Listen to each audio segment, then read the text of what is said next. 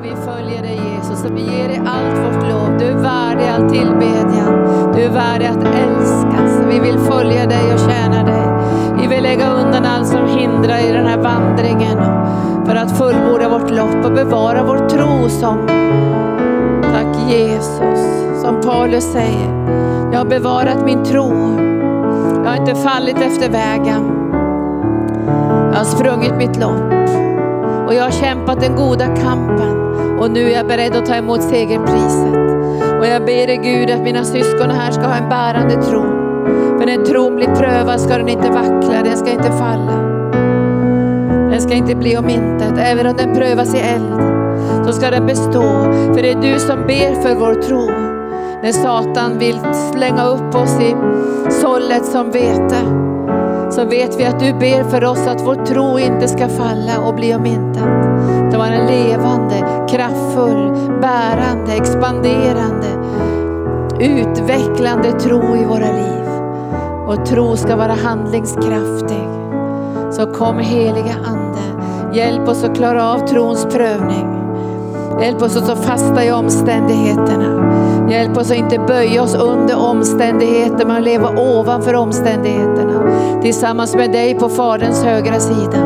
Och jag prisar dig Herre för en bärande, kraftfull, expanderande, handlingskraftig tro. Så fyll våra hjärtan ikväll med liv och kraft. I Jesu namn, i Jesu namn, i Jesu namn. Halleluja, tack Mats. Visst hade du läst min bok den här Från vision till verklighet? Du gillar den va? Jag tyckte du hade skrivit en sån jättefin text om den. Visst går du på kursen, du går på kursen, ledarkursen. Jag läste den och tyckte den var så jätte, jättebra. Visst är det härligt när någon gillar ens böcker? Och Mats går ju på ledarutbildningen och jag fick läsa genom skolan då din recension av den boken. Och jag tänkte det var så bra så jag skulle vilja ge dig ett tv-program. Där du får berätta vad den boken har betytt. Den boken bad mig pastor Gunnar faktiskt skriva som heter Från vision till verklighet. Att bryta igenom. För många startar saker men det blir ingenting mer. Alltså man får en vision. Och man får någonting från himlen, man får ett profetord. Och sen bara blir det ingenting, det blir en tumvante.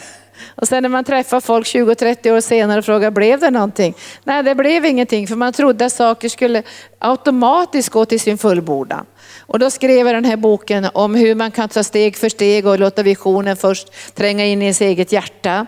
Sen måste visionen läggas i andra människors hjärtan. Sen måste man övervinna de första attackerna som kommer. Det är attacker utifrån, det är attacker inifrån och sen måste man ta olika steg för att visionen ska gå till verklighet. Och då utgick jag från från Nehemja bok faktiskt i gamla testamentet för att se hur han började bygga den här muren och hur de sen kunde inviga den och det blev färdigt. Det här är fantastiskt att tänka att du och jag är med i Guds stora byggnadsprojekt som inte bara är i Sverige utan är ut över hela världen. För vår kallelse är som det står i Bibeln, Jesus säger till lärjungarna, gå ut och förkunna evangelium. Först ska ni förkunna er hemstad. Och sen ska ni sträcka er lite, lite längre ut till Judeen. Och sen ska ni gå till Samarien, det är lite blandat där. Och sen ska ni gå ut i hela världen och förkunna evangelium. Och det är väldigt tragiskt när man ser i människors liv när tron förlorar sin handlingskraft. Och jag har tänkt mycket på det idag, för jag har frågat Herren vad ska jag predika ikväll? Och då, då sa Gud så här, att jag vill att tron ska behålla sin handlingskraft. Det måste vara handlingskraftig tro som är i rörelse. Och ibland så kan åren gå och det blir bara som en passivitet över livet. Det går bara så här. Och, man tappar den här handlingskraften.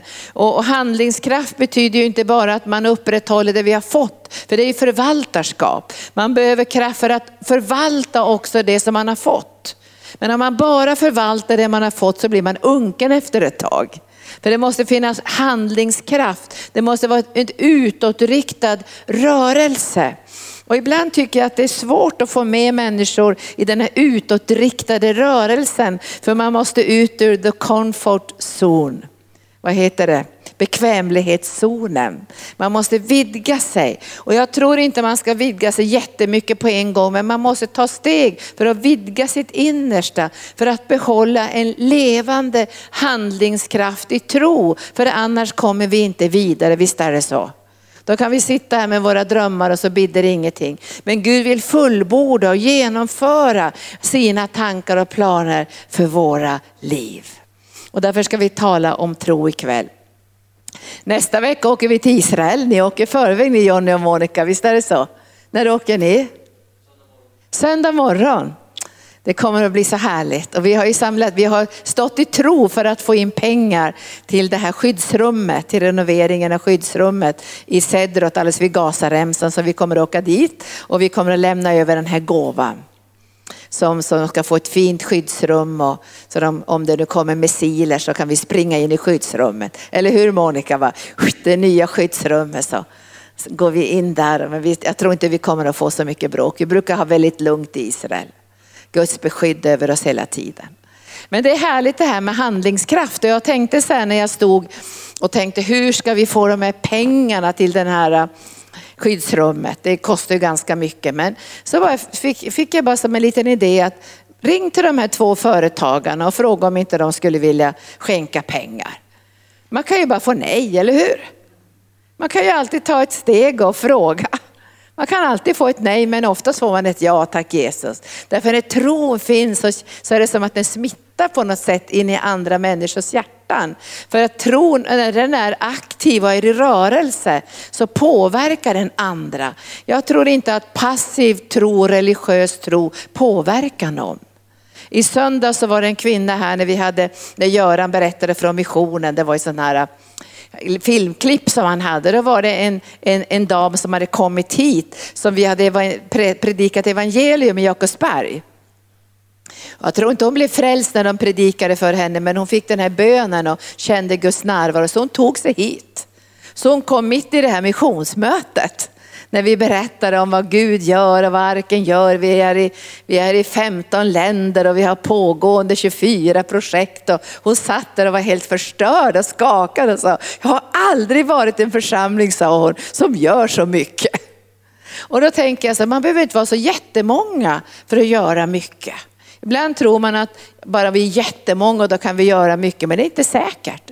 Därför du kan, du kan vara jättemånga och det är bara passivitet. Men så kan du vara få och så är det handlingskraft och enhet. Därför det står i Bibeln att allt förmår den som tror. Och därför ska vi veta att varenda en av er har tro här ikväll. För det är en gåva ifrån Gud. Vi har fått tro när vi tog emot Jesus. Men vi ska be ikväll för den där handlingskraften i tron. Visst vill ni det? Så det blir kul att leva. Så vi inte bara sitter där och åren går och sen plötsligt är vi döda och hade önskat att vi skulle ha gjort något mer för Gud. Utan vi ska ha handlingskraft. Och det är kul när det är handlingskraft. Jag hör ju de här unga vuxna som är ute nu och vittnar för människor och får se mirakel. Och nu i måndags blev 15 stycken frälsta och tog emot Jesus som frälsare. Men det är ju ett steg att ta emot Jesus som frälsare. De här ungdomarna har jättelätt för att be till frälsning. Men sen måste vi ha jättemånga församlingsmedlemmar som kan ringa de här människorna, eller hur? Som kan ta hand om dem när de kommer hit. För då måste vi fika med dem, fråga var de kommer ifrån, få in dem i en hemgrupp och så vidare. Så vi behöver alla möjliga funktioner. Vi behöver dem som, som sår, det är ju evangelisterna. Sen måste vi ha dem som vattnar. Och så måste vi ha de som bygger. Och alla behöver trons handlingskraft så vi kommer i rörelse. Och jag tror att ni längtar efter det ikväll. Det gör jag i alla fall. För jag känner att vi ska göra mycket mer för Jesus. Halleluja. Alltså vi ska göra mycket för Jesus. Och vi ska ha lång bromssträcka i himlen, eller hur? Vi är så i rörelse för Gud. Så när vi kommer in i himlen så bara så slirar vi in så här. För vi har tio projekt som vi inte har hunnit fullborda. Men då får vi ta det sen på andra sidan. För då har vi kanske galaxerna och stjärnsystemen och mycket större värld som du och jag ska få gå in i.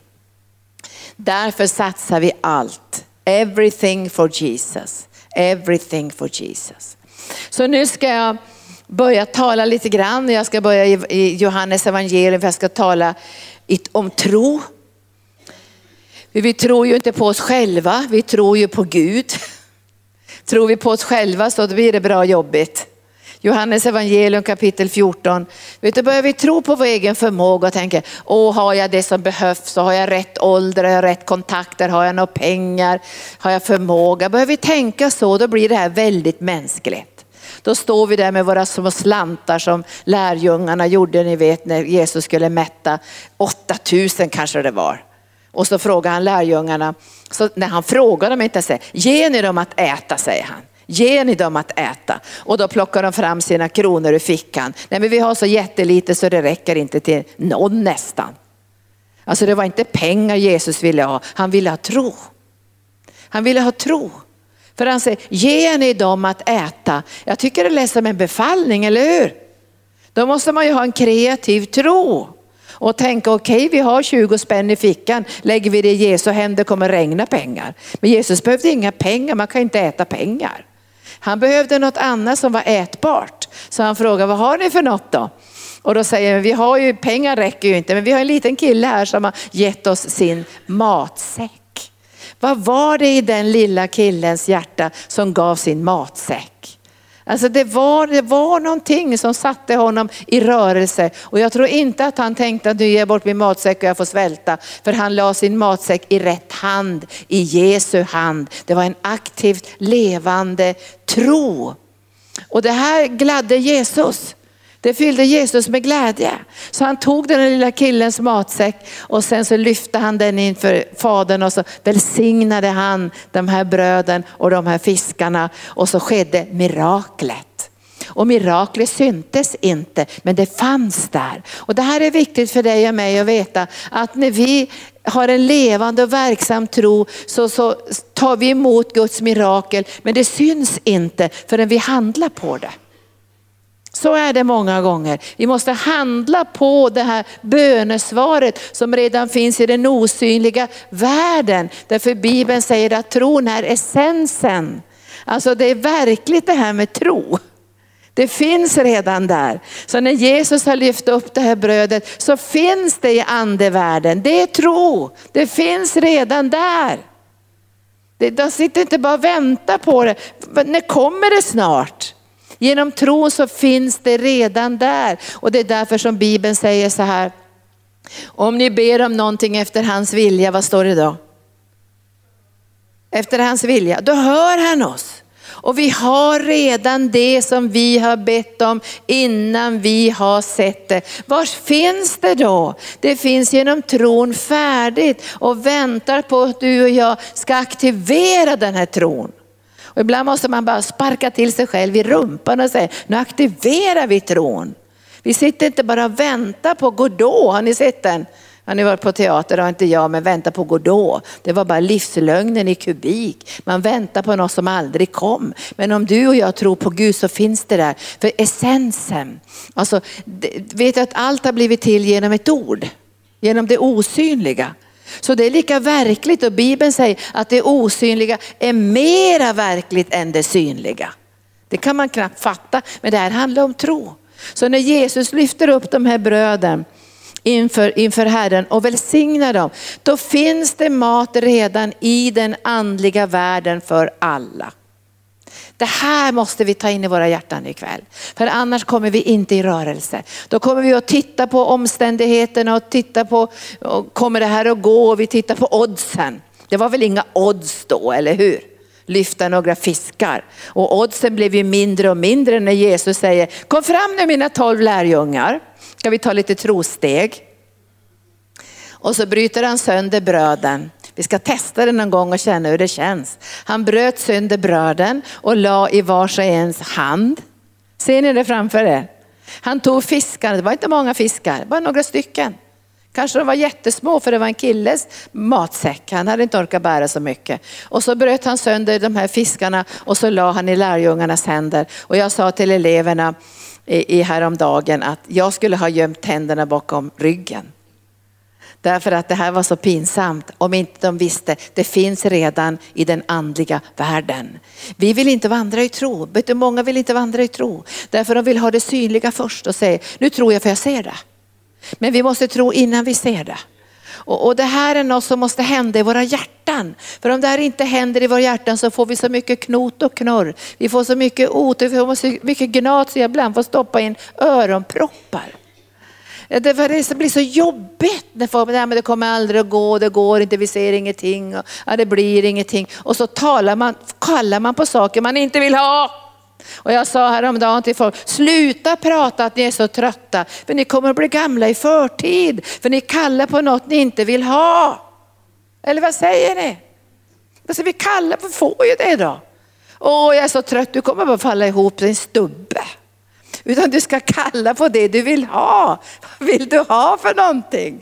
Vad säger du, vad vill du ha? Vad vill du ha? Ja men om du är ärlig, vad vill du ha? Du vill ju ha styrka såklart. Du vill ju ha hälsa, du vill ju ha glädje.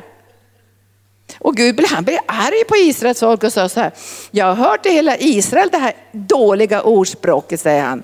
Att ni säger, åh det blir ingenting av Guds ord, det blir ingenting av hans löften. Ni pratar på ett sådant sätt. Nu ska vara slut med det säger Gud. Nu ska ni säga, tiden är inne, snart inne, snart inne, kommer att ske, det kommer att ske. Vet du, vi kallar på sånt jag inte vill ha. Åh nu går magsjuka, jag känner lite känsligt här. Du ska, du ska kalla på det, du ska kalla på hälsa. Jag bestämde mig, jag var fem år, jag ska aldrig mer ha magsjuka. Jag har gjort ett beslut. Jag har gjort ett beslut, jag, jag var inte ens frälst som femåring. Men jag gjorde ett beslut. För jag var fem år, jag, vi hade ett sånt där vidrig blodpalt och vi hade ett så mycket blodpalt. Och på natten jag bara spydde. Jag hade en spjälsäng, jag spydde hela spjälsängen, spydde hela golvet. Och sen på morgonen sa min pappa, du får skura upp allting. Och jag fick hålla på hela dagen och skrapa och spya på spjälarna. Och då bestämde jag mig, jag ska aldrig mera magsjuka i resten av mitt liv. Och jag har inte haft det heller, halleluja. Och jag kallar inte på det. Nu går det igen. Men det här är jätteviktigt. Det fanns i andevärlden, ser ni det? Brödet fanns där. Jesus såg det redan. Men han ville ha en tro som var handlingskraftig och han testade lärjungarna. Så han säger så här, sätt dem nu i matlag. Och det här är liksom trons utmaning. Kan vi ta de här stegen i tro om vi inte ser någonting? Det kan vi inte. Alltså vi ska inte pressa människor att ta trosteg om de inte ser någonting. De måste se det först så de kan kalla på det. Och Jesus, Jesus säger, sätt dem i matlag nu. 5.50 och så fick de sitta där i gräset och så säger nu kan ni börja. Ser ni lärjungarna framför er?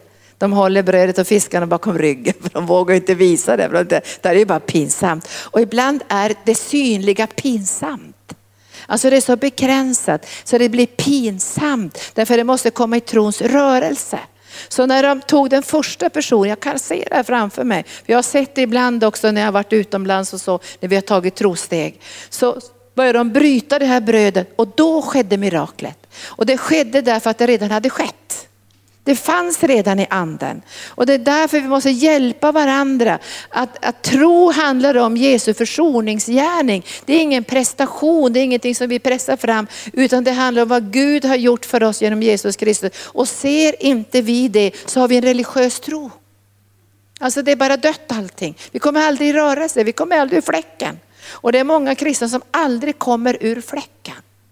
Men vi ska få en handlingskraftig, levande tro. Och även om vi skulle ta för tro, stora trosteg ibland och snubbla och falla och vi får börja om, så är det bättre än ingenting, eller hur?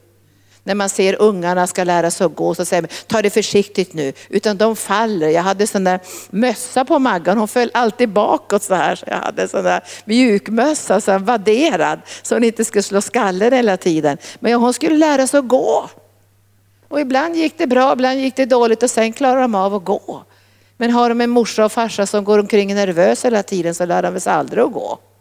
Utan ibland snubblar man, man tar för stora trosteg, man, man, man, klarar inte riktigt av det. Men man måste öva den här levande, handlingskraftiga tron. Och när lärjungarna började bryta det här brödet, då skedde miraklet. Och när de bröt till nästa person, då skedde miraklet. Det var inte en jättestor hög med fisk och bröd som de fick ta ifrån, utan det skedde varje gång de bröt det. Och det här var ju samma sak med kvinnan med, med, med, med oljeflaskan i Bibeln. Det är samma princip. För då, säger, då frågar ju den här äh, profeten, vad har du hemma för någonting? En liten oljeflaska. Och det låter ju inte mycket. Alltså man kan känna, det här är för begränsat, det funkar inte, vi ger upp. Men han frågar, vad har du här hemma? För det måste brytas, det måste komma i rörelse. Det lilla du och jag har måste komma i rörelse in i Guds rike. Och jag tror att profeten såg mer än henne. Han såg tusentals liter kanske med olja. Så han säger så här, gå och hämta så mycket kärl du kan från grannarna. Och där fanns det en begränsning i hennes tro. Så hon hämtade för lite kärl för få kärl. Så när hon började hälla och det fanns inga kärl kvar, då stoppade oljan. Hon hade kunnat fått mycket, mycket mera olja för Jesus tog ju tvagningskärlen, rymde flera hundra liter. Han tog ju inte, ja men hämta en liten flaska. Han sa hämta tvagningskärlen, flera hundra liter, fyll dem så det rinner över säger han till tjänarna. För han har redan sett det här miraklet. Och så, så börjar de hälla upp det här vinet. Men det var ju pinsamt det också. De får och drog på stora tvagningskärl. Ser ni det framför er?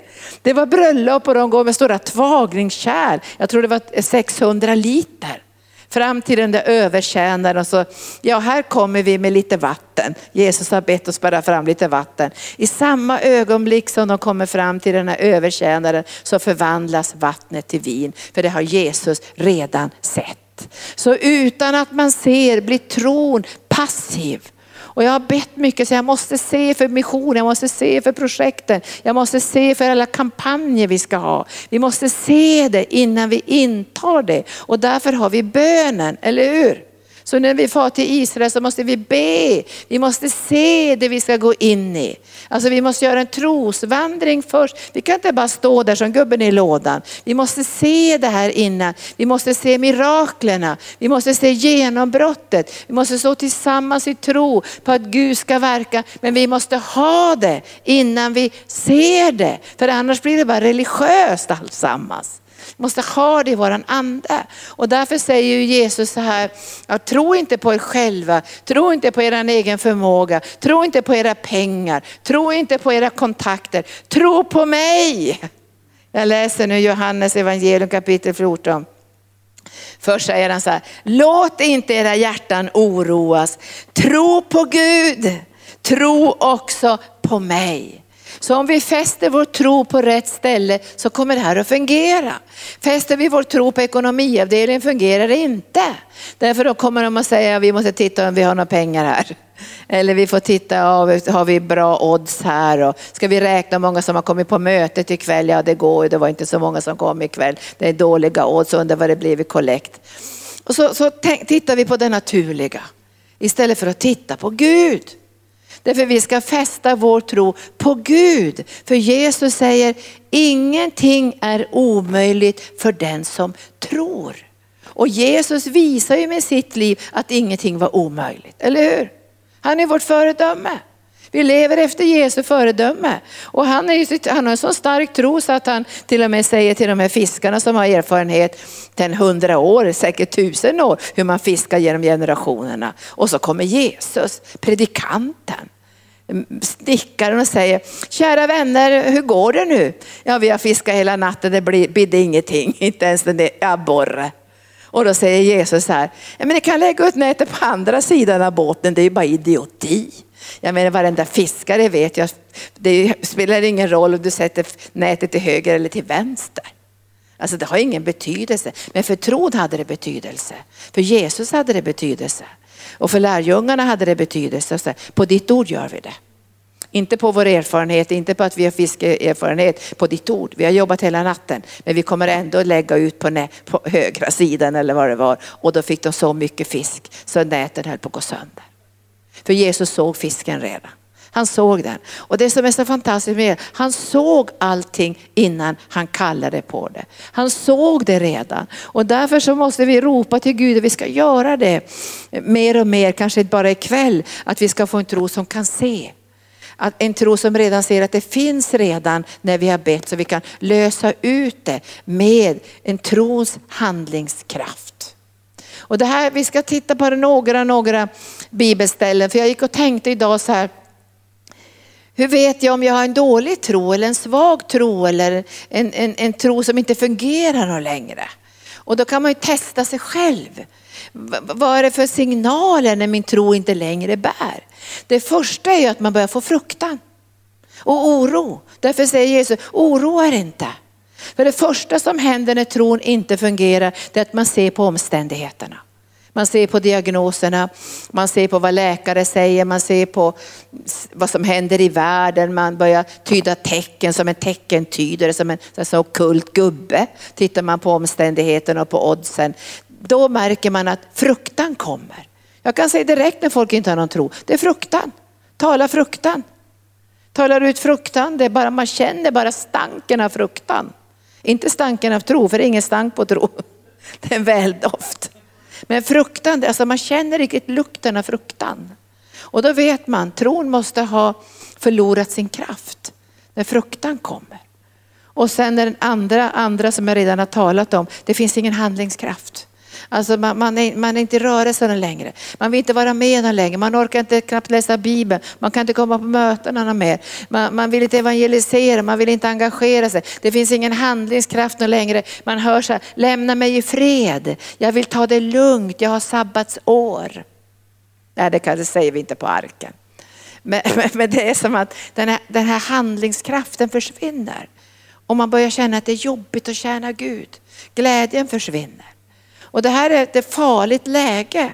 Därför då kan vi inte prestera tro heller. Men vi kan be att den helige ande hjälper oss att se vem Jesus är, vad han har gjort för oss och att han är trofast.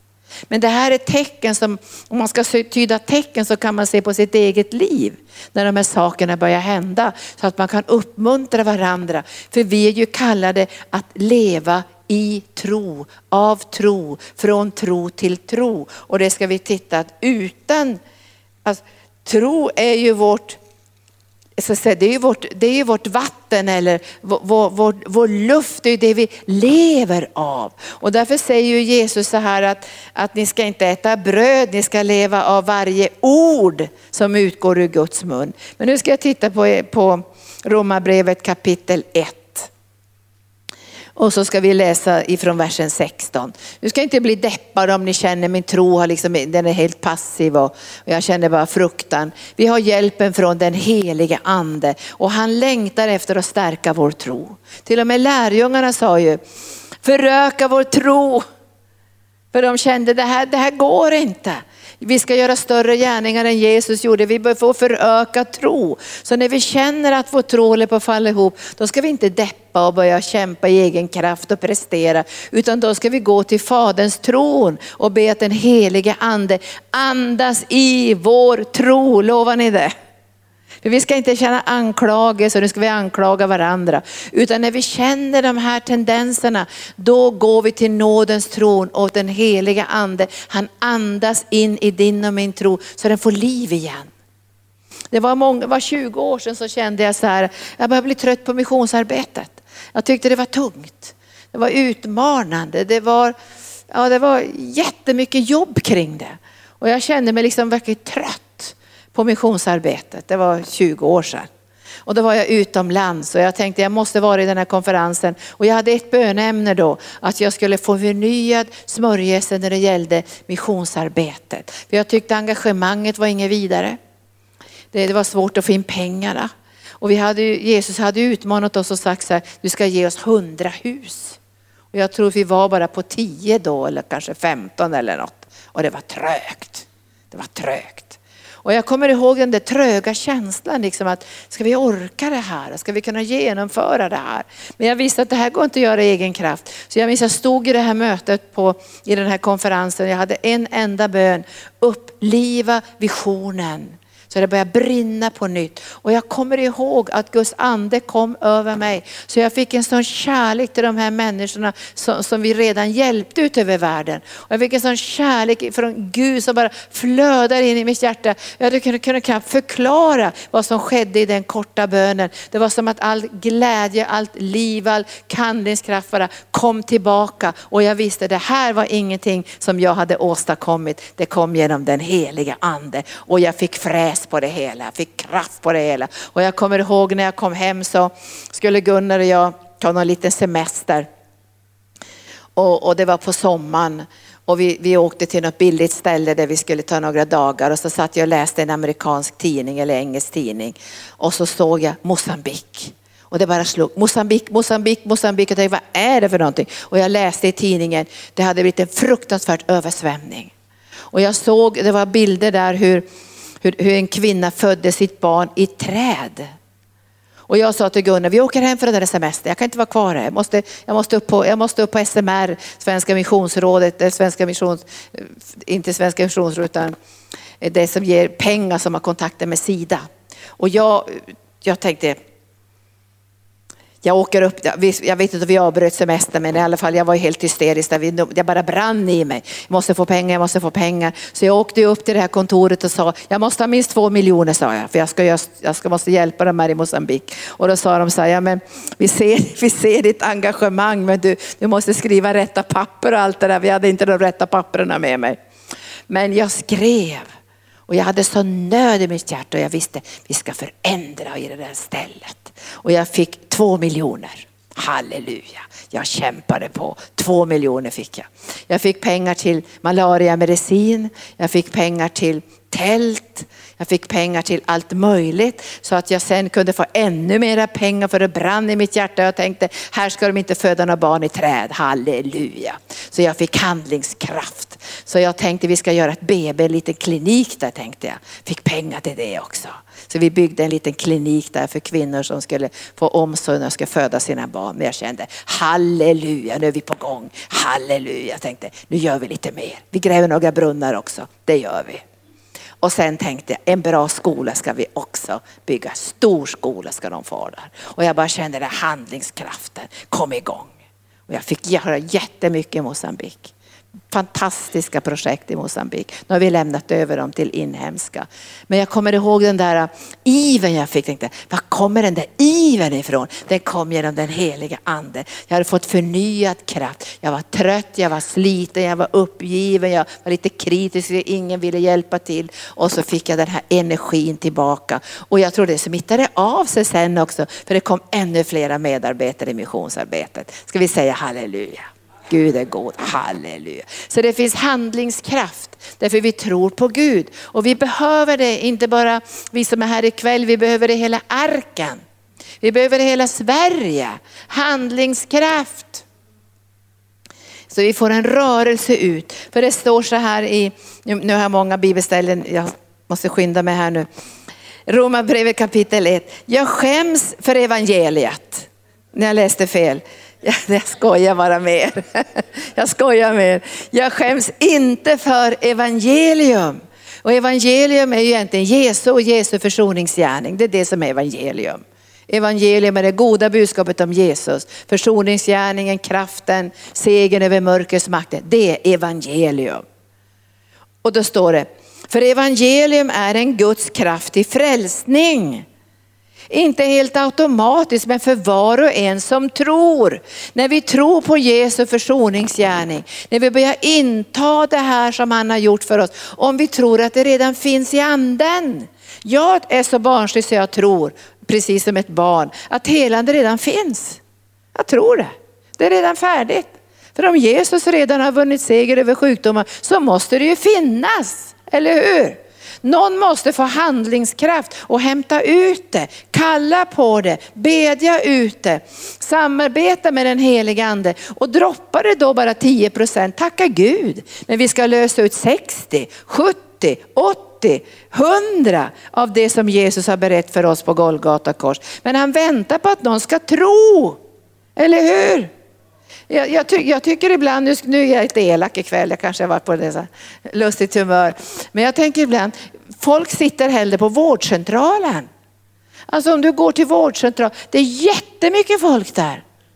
Alltså det är jättemycket folk på vårdcentralen. Alltså det är så mycket folk så att du, du kommer knappt in på vårdcentralen. Alltså jag skulle gå dit och boka in mig där för något år sedan på vårdcentralen och då fick jag stå en jättekö utanför. Och de enda som fanns kvar av läkarna när jag kom in var den som hade röda lappen. Och jag visste inte, han var fruktansvärt på dåligt humör. Han hade skällt ut en patient ordentligt, så han blev till och med anmäld hörde jag sen.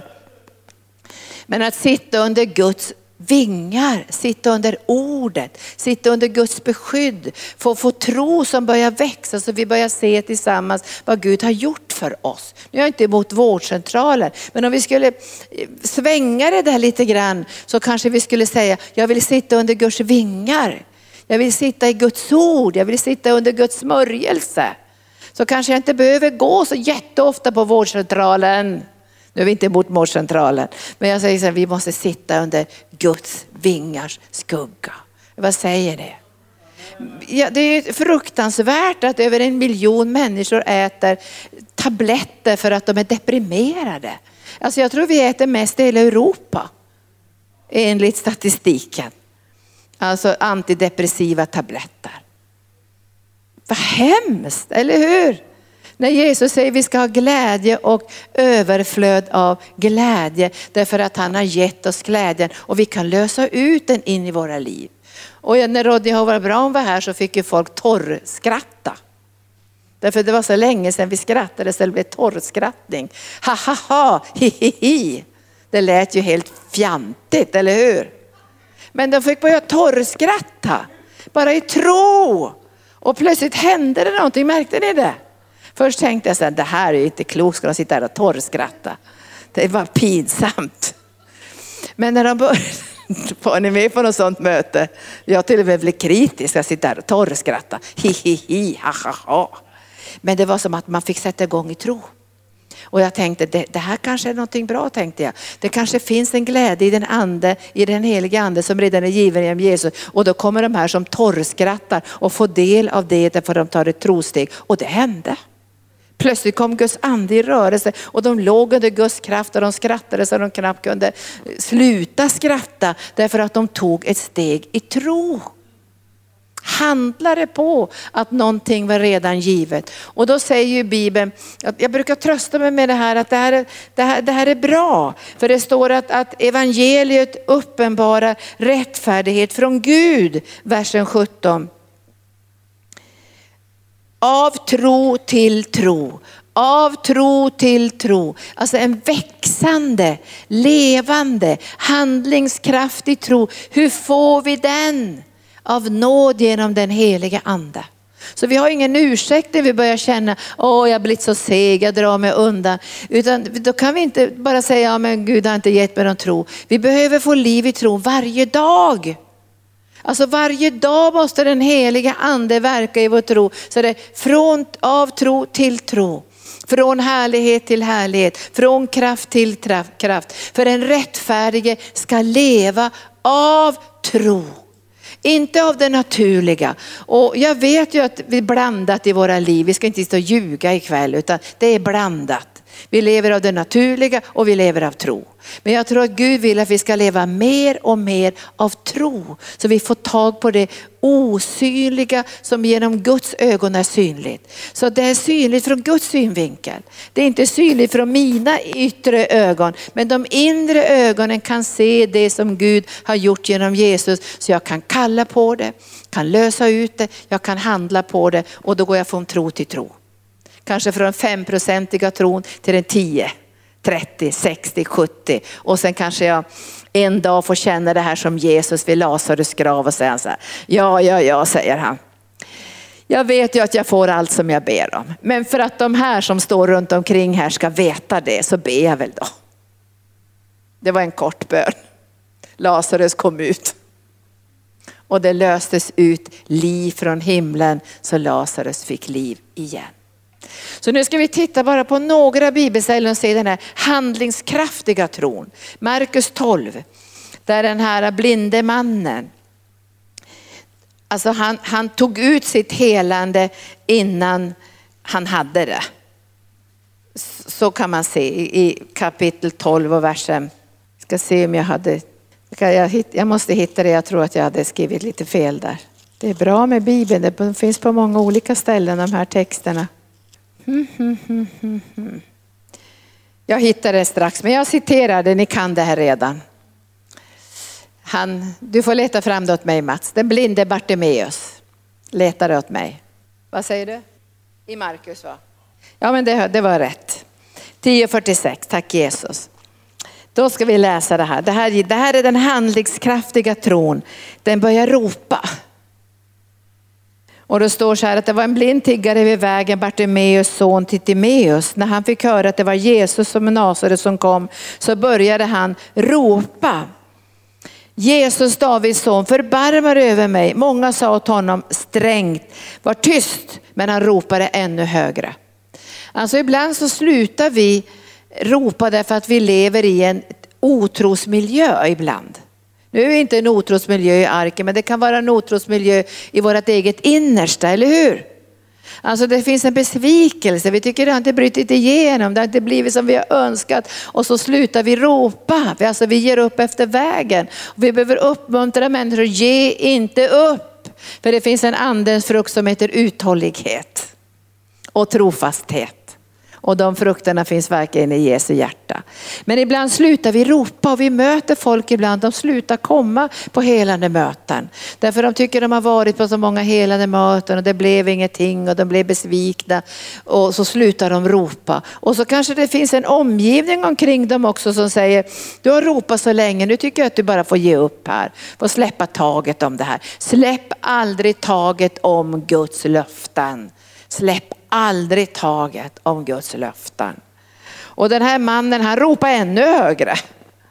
Herre Davids son förbarma dig över mig.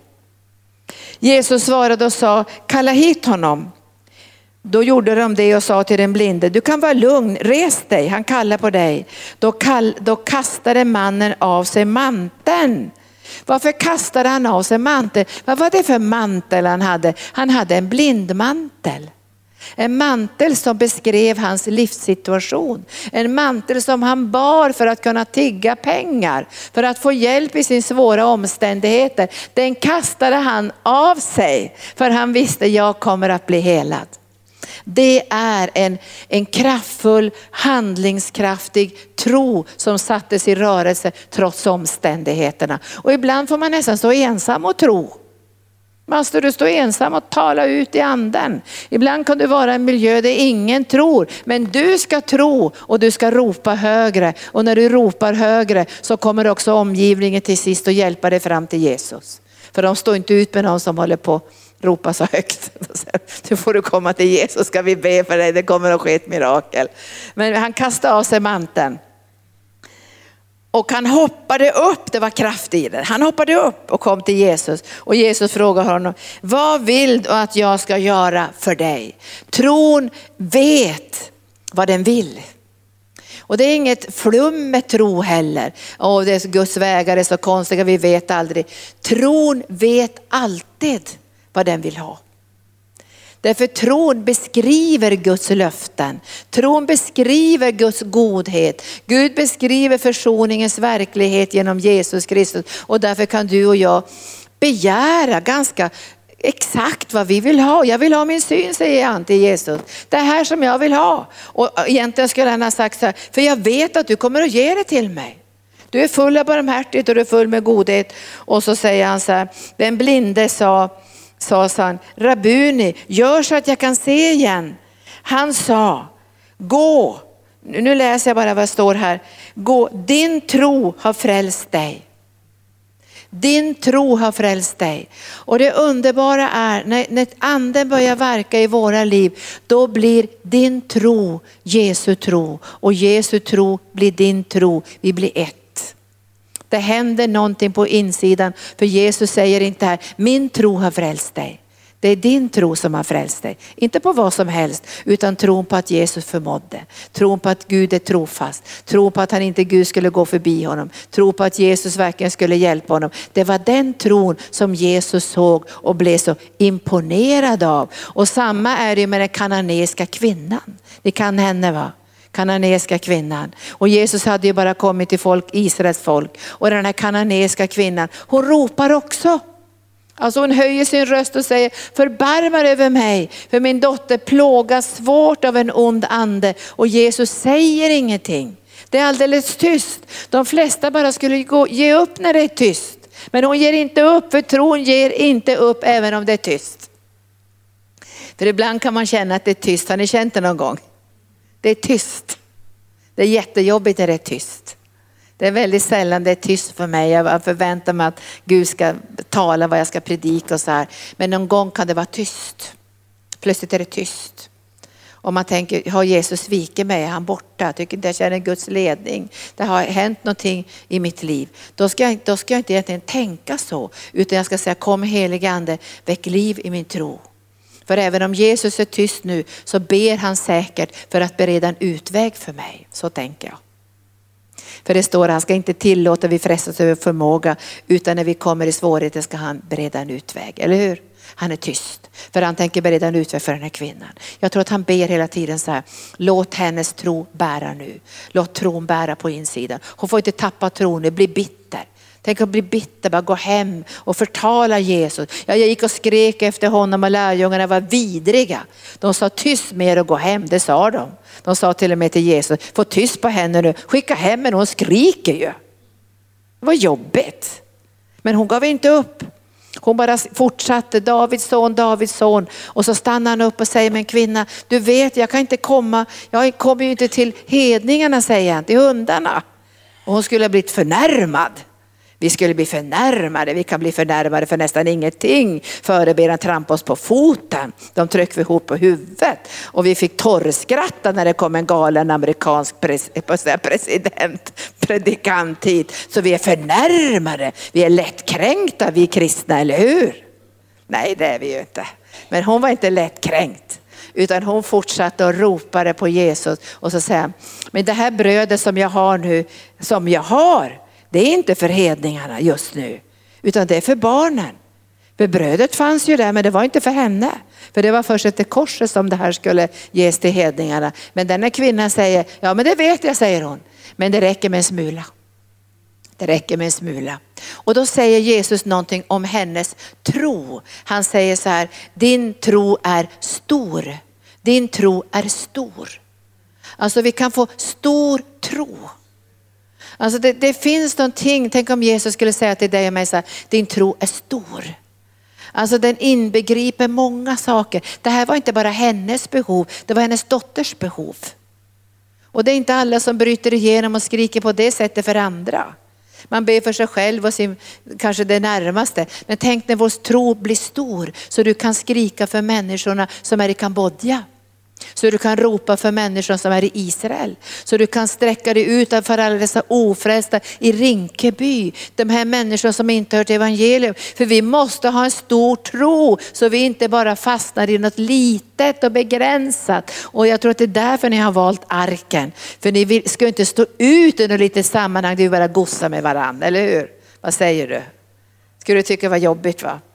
Vi skulle kallas för gosseförsamlingen. Vi bara sitter och gossar med varandra. Då har vi ingen stor tro för det är bara vi som ska ha det här. Vi måste förstå att Gud vill att alla ska bli frälsta. Så vi behöver en stor tro, en mycket, mycket större tro än, än den här lilla begränsade tron som bara rör våra egna liv. Och då tar vi trosteg. Du kanske har två fadderbarn, men nu tänker jag ska ha tre fadderbarn. Och nästa år jag ska ha fem fadderbarn. Nästa år jag ska ha sju fadderbarn. Jag ska ha en större tro. Jag ska ha ett större bord. Jag ska få in fler människor i mitt liv. Att, att när den här tron blir större, då är det kul att leva. Vet ni det? Det är kul att möta barnledare som säger vi börjar få tro för tusen barn. Vi börjar få tro för vi ska få ännu flera barn till kyrkan. Det är jätteroligt att höra det. När, ja men det är så jobbigt, det är, inte arken jag pratar om nu men det har hänt någon gång när jag har varit i Norge kanske. Ja det är så jobbigt, det är så få som vill hjälpa till i barnarbetet och det blir nog ingenting. Öronpropparna på en gång, vi ska ha en stor tro som kallar på saker som inte finns så som de fanns. Och sen så finns det en annan man som i Matteus evangelium, jag slår upp det till sist då, Matteus evangelium, det här, jag tycker han är så fantastisk den här eh, hövitsmannen eller krigaren eller soldaten som, som hade en, en sjuk tjänare. Och det står om honom i det tionde, eh, jag kan läsa i femte versen ifrån kapitel 8. När Jesus var på väg in i Kapernaum kom en officer fram till honom och bad, Herre min tjänare ligger förlamad där hemma i svåra plågor. Jesus sa till honom, jag kommer och botar honom. Officeren svarade, Herre jag är inte värd att du går in under mitt tak, men säg bara ett enda ord så blir min tjänare frisk. Jag är själv en man som står under befäl och jag har soldater under mig. Säger jag till en gå så går han och till en annan kom så kommer han. Gör så här så gör han det. När Jesus hörde detta blev han förundrad och sa till dem som följde honom. Jag säger er sanningen, inte hos någon i Israel har jag funnit en sån stark tro. Visst är det imponerande? Det här säger han om en hedning. Jag har inte funnit en sån här stark tro i Israel. En sån här tro som vet att jag står under befäl. Jesus kom inte i egen kraft, han stod under befäl. Och Jesus visste att han stod under det högsta befälet. Han stod under konungarnas konung och herrarnas herre, under fadern själv. Och han visste att om han som står under ett sådant befäl, han hade en erfarenhet i det naturliga med soldaterna som lydde order. Gå så går ni, kom så kommer ni. Men, Jesus, men han visste att om Jesus som står under den högstes befäl säger bara ett enda ord så kommer min tjänare att bli frisk. Alltså den starka tron, det är den tron som vet att Gud inte ljuger när det gäller sina löften. Som vet att han står under det högsta befälet. Så att allt som Jesus har gjort för oss har fått ett ja och amen genom Guds hjärta hjärta till oss. Den starka tron. Och jag ber till Gud varje dag, Gud ge mig en stark tro så att det bryter igenom. För jag måste ha en tro som bär, inte bara att vi lägger händerna på människor här och ber, utan en tro som bär in i Nepal nu. För nu gör han i Nepal. Och jag måste ha en tro som bär där borta. Det räcker inte bara, nu ska vi tro lite på arken. Det måste bära där borta, det måste bli genombrott. Det måste bli en bärande kraft där så vi kan genomföra och fullborda uppdraget. Så inte de här bufflarna dör eller kalvarna dör eller mejeriet liksom inte fungerar så att det, det, mjölken är dålig och de vill inte köpa någonting av oss eller att de här flickorna blir, blir tillfångatagna för att vackra de här flickorna, de säljs till trafficking till Indien. Och vi ska ha tro som bär. Och den här mannen säger, säger bara ett ord, du behöver inte lägga anden på min tjänare, bara ett enda ord så kommer det att bryta loss kraft i den heliga ande och han kommer att bli botad botad.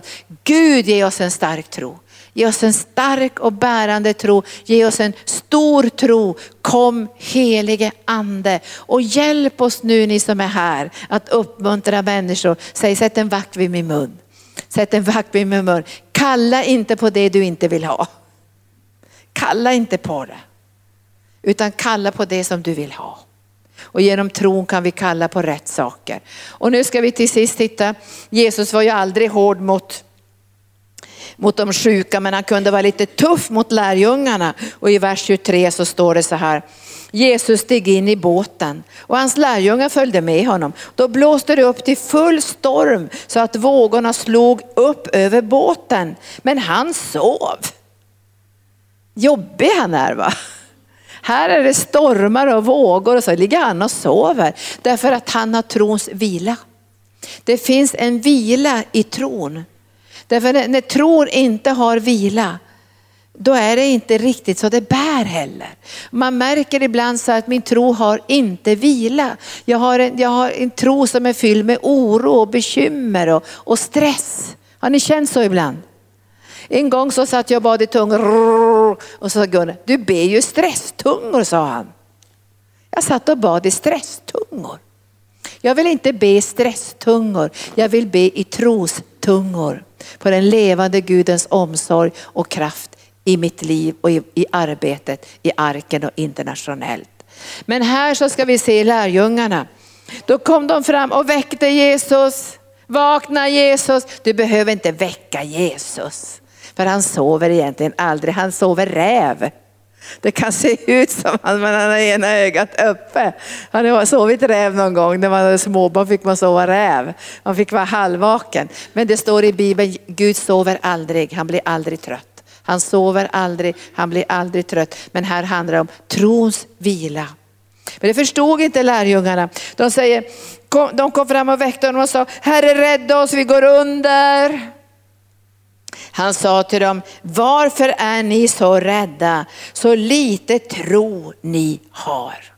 Jag skulle önska att Jesus inte behövde säga det till oss. Vad lite tro ni har. Och även om man skulle säga det så säger vi, kom helige ande öka min tro, andas på mig, fyll mig med, med bärande levande tro så jag kan sträcka mig på alla områden. Sträcka sig ekonomiskt, sträcka sig med engagemang, sträcka sig att göra mer i Guds vilja. Och när den levande tron kommer så blir det väldigt kul att vara i församlingen. Eller hur? Alltså det händer något ibland oss. Alltså vi börjar få tro. Och när jag hörde ungdomarna vittna nu i måndags på måndagsbönen och de berättade hur de hade vunnit fullt med folk på gatorna och, och det var någon som hade smält till dem och de bara kände demonerna bara böjer sig och folk grät och tog emot Jesus. Det bara väcktes en tro. Jag tror inte det väckte någon fördömelse. Det var många som satt där som kanske aldrig hade vittnat för någon. Men det väcktes tro. Kan de här unga vuxna göra det, då kan jag göra det. Så vi pratar om att du kan följa med ut som tyst förebedjare. Bara se hur det här fungerar. Så du också får del av den här tron så det smittar över på dig. För ibland måste man få att det blir en smitta, eller hur? Man får lite smitta av andras tro. Men vi ska inte gå in i trons fördömelse. Det gjorde inte lärjungarna heller för hade de lämnat Jesus. De följde med honom och de växte i tro, för du har ju läst apostlagärningarna. Men Jesus demonstrerade den levande kraftfulla tron. Han reste sig. Han talade strängt till vindarna och sjön. Och det blev alldeles stilla, precis som det var i hans eget hjärta. Alldeles stilla. Och männen häpnade och sa, vem är han? Till och med vindarna och sjön lyder honom. Vem är han? Vem är han? Och jag skulle önska att de sa så om dig och mig också. Vad är det här för folk? De är ju inte kloka i sin tro. De tar ju trosteg så vi har aldrig sett makan. Vad är det här för folk? Och då skulle jag önska att du och jag inte fick någon egen ära. Det är lika bra att vi inser att det här klarar inte vi själva. Eller hur? Vi klarar inte det här. Vi behöver en tro som kommer från himlen. För det här naturliga prestationen och pressen och, och utmaningar, det funkar. Vi, går bara, vi blir bara utbrända. Men den levande tron bränner inte ut oss. För det kommer från himlen förnyad kraft, från tro till tro. Från kraft till kraft, från härlighet till härlighet. Så vi ska be ikväll nu. Vi, visst behöver vi den, den, den här tron. Ni bara behöver så här, nu behöver vi folk som ska hjälpa till med någonting. Då kan vi få nej ibland. Därför man ser inte behovet. Man ser inte större än att, nej men jag orkar inte, jag, jag vill göra något annat. Jag vill sitta hemma och se på tv, jag vill ta det lugnt. Men man måste se någonting annat. Man måste se för andra människor.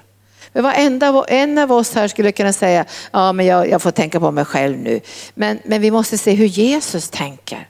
Han har den stora tron där han tänker på att involvera människor och betjäna människor och uppmuntra människor. Han har den starka tron för att vi ska bryta igenom med mörker och depressioner och sjukdomar. Och det är den tron som du och jag vill få del i och vi får den förlöst i våra egna liv mera ikväll. Och vi ska be att den heliga ande andas med handlingskraft.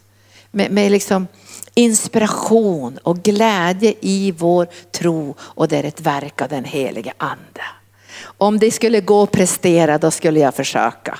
Men det går inte att prestera och det går inte att tjata på folk. Det går inte att pressa folk att tro. De måste själva komma till nådens tron och be att den helige ande ska andas och väcka liv i en slumrande tro. Och Jakob är ju så tuff så han säger, visa mig din tro du utan gärningar så ska jag visa dig min tro med mina gärningar.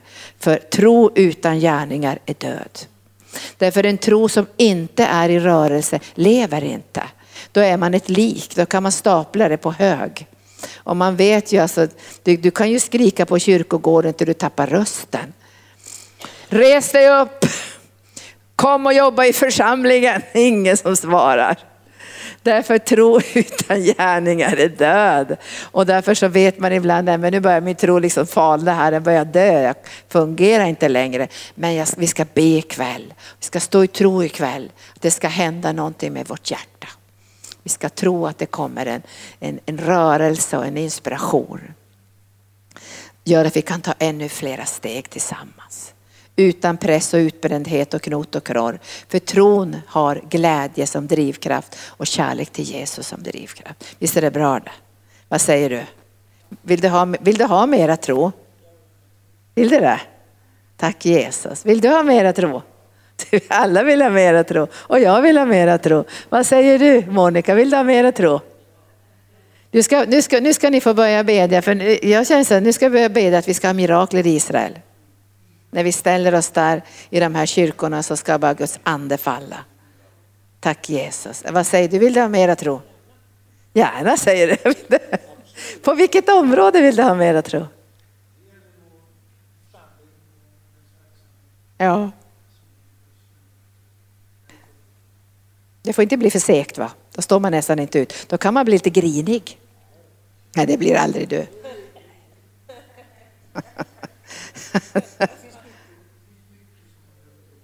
Ja, man behöver tro på alla områden. Ekonomi och hälsa och vad säger du?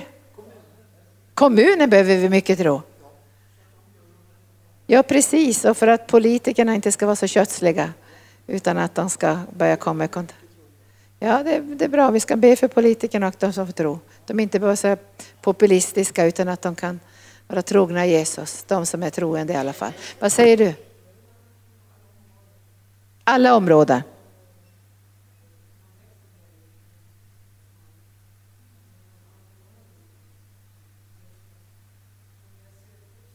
Ja ja, det är jobbigt att möta otroende för till och med Jesus blev fastbunden med, sin, med sina händer när otron fanns för starkt närvarande. Så att det står att han kunde bara bota några få och inte göra några kraftgärningar för det var för mycket otro. Men, men han var ju ändå inte hindrad. Men det, det, det ändå hålls tillbaka så man får bedja för det sammanhang man står i också. Att det ska bli en, en, levande tro. För ibland står man för ensam med tron. Men jag tror att det som du Gud har lagt i ditt hjärta personligen, det kan ingen hindra.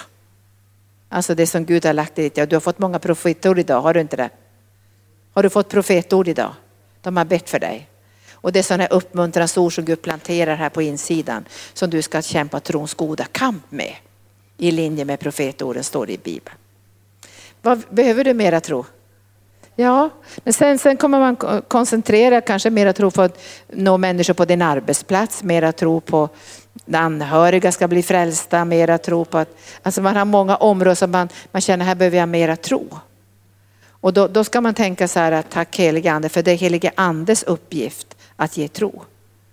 Och hur får man tro? Det kommer ju inte bara så där från det blå utan det kommer av att ordet och anden möts, produceras tro. Så ordet och anden, när ordet och anden får verka i våra liv så produceras tro genom den heliga ande. Så att man måste ha någon kontakt med ordet också för att tron ska kunna växa stark. Tack Jesus. Men vi vill alla ha mera tro och Mats och jag vill ha mera tro. Amen. Margot vill ha mera tro för missionen, eller hur? Vi har många hus kvar som vi ska göra. Gun-Britt, vill du ha mera tro? Ja. Är det någon som vill ha mera tro för sin hälsa? Ja, vi behöver mera tro för vår hälsa faktiskt. Vi har sett att det är många som blivit sjuka i arken också. Och det går influenser och det går alla möjliga grejer. Och det, alltså vi behöver mera tro för vår hälsa. Utan fördömelse. Så, vi, så måste man säga, jag vill ha mera tro för min hälsa. Skulle Gud säga, nej det får du inte. Det är klart att han säger, du ska få mera tro för din hälsa. För man måste ta trostegen. Och jag tänker ibland på att han är lite tuff ibland, Jesus. Kommer ni ihåg den här mannen med förvissnade armen? Han kanske hade fått en stroke. Så han hade helt, eh, armen var inte, kunde inte röra sig. Då kommer Jesus och säger, sträck ut din hand. Alltså jag ska ju protestera men du, du Jesus, du vet, den är ju förlamad. Men bara för att Jesus sa det så fanns det en handlingskraft genom Jesu ord som gjorde att den här mannen kunde sträcka ut sin hand och så blev han helad. För han trodde mer på Guds ord än på sin diagnos. Och det ska till innan vi gör det. Därför diagnosen är så kraftfulla i mångas liv så de bara trycker ner oss. Men vi ska ha mera tro på Guds ord än på diagnosernas ord. Vi förnekar dem inte. Han, han stod inte och sa så här, jag är inte lam, jag är inte lam. Han visste att han var lam. Men han visste att Guds ord var starkare än förlamningen. Så nu ska vi be att vi ska få en levande handling. Ni får inte bli för vilda nu. Så, jag får, så, vi får, så pastor Gunnar blir orolig nästa vecka när vi får, får för stark tro. Så vi börjar sträcka oss ut kanske till 25 länder till. Nej, ni får, vi ska få en levande stark tro. Så Mats, nu ska vi be. Vi ska kalla fram alla ni som vill. Vi ska inte be jättelånga böner. Vi ska bara be kom heliga ande och så blåser du liv i tron. Nu tror inte att någon av er har någon död tro, men vi vill ha mera kraft i tron. Vi vill ha mera liv i tron. Vi bara ödmjukar oss. Jag har inte väckt upp en enda död. Förutom en, en farbror som låg död bara någon sekund, men det är inte säkert att jag hoppade fram när han, de sa, han är död. Det var på en konferens. Han andas inte. Och då sprang jag fram och sa, kom tillbaka till livet i Jesu namn. Jag skrek jättehögt och farbror bara hoppade upp så här. Jag är inte säker på att han var riktigt död, men han hoppade upp i alla fall. Men jag har inte bett för någon som har varit död länge och fått liv. Men Jesus gjorde det så att jag säger, jag kan inte så skryta om min tro. Men jag vill se de döda få liv igen, för det säger Bibeln, väck upp de döda. Det är vad Jesus säger. Och där har inte jag den tron. Vi har försökt att väcka upp en liten bebis på bårhuset. Vi klarar inte det. Vi bad på alla sätt vi kunde, upp och ner och fram och tillbaka. Vi bad hit och dit. Jag var inte med, jag var i ett annat land, men jag skickade folk till bårhuset. För jag tyckte det är jättejobbigt att lite bebis ska dö i förtid, eller hur? Plötsligt spädbarnsdöd. Så vi försökte väcka upp det här barnet. Jättetråkigt att vi inte kunde göra det. Och då går inte jag hem och fördömer mig. Åh, vilken dålig person jag är. Jag säger Gud, det här vill jag ska ske i framtiden. Så väck liv i vår tro så vi en dag kan säga som Jesus, Lazarus kom ut. Tack Jesus. Så varsågod och kom fram, vi har förebedjare med oss här också. Vi ska ha mera hälsa, mera kraft i vår tro, övervinnande kraft i vår tro. Och då vet vi att det som Jesus har gjort är mera verkligt än det synliga i den här världen. Kom helige ande.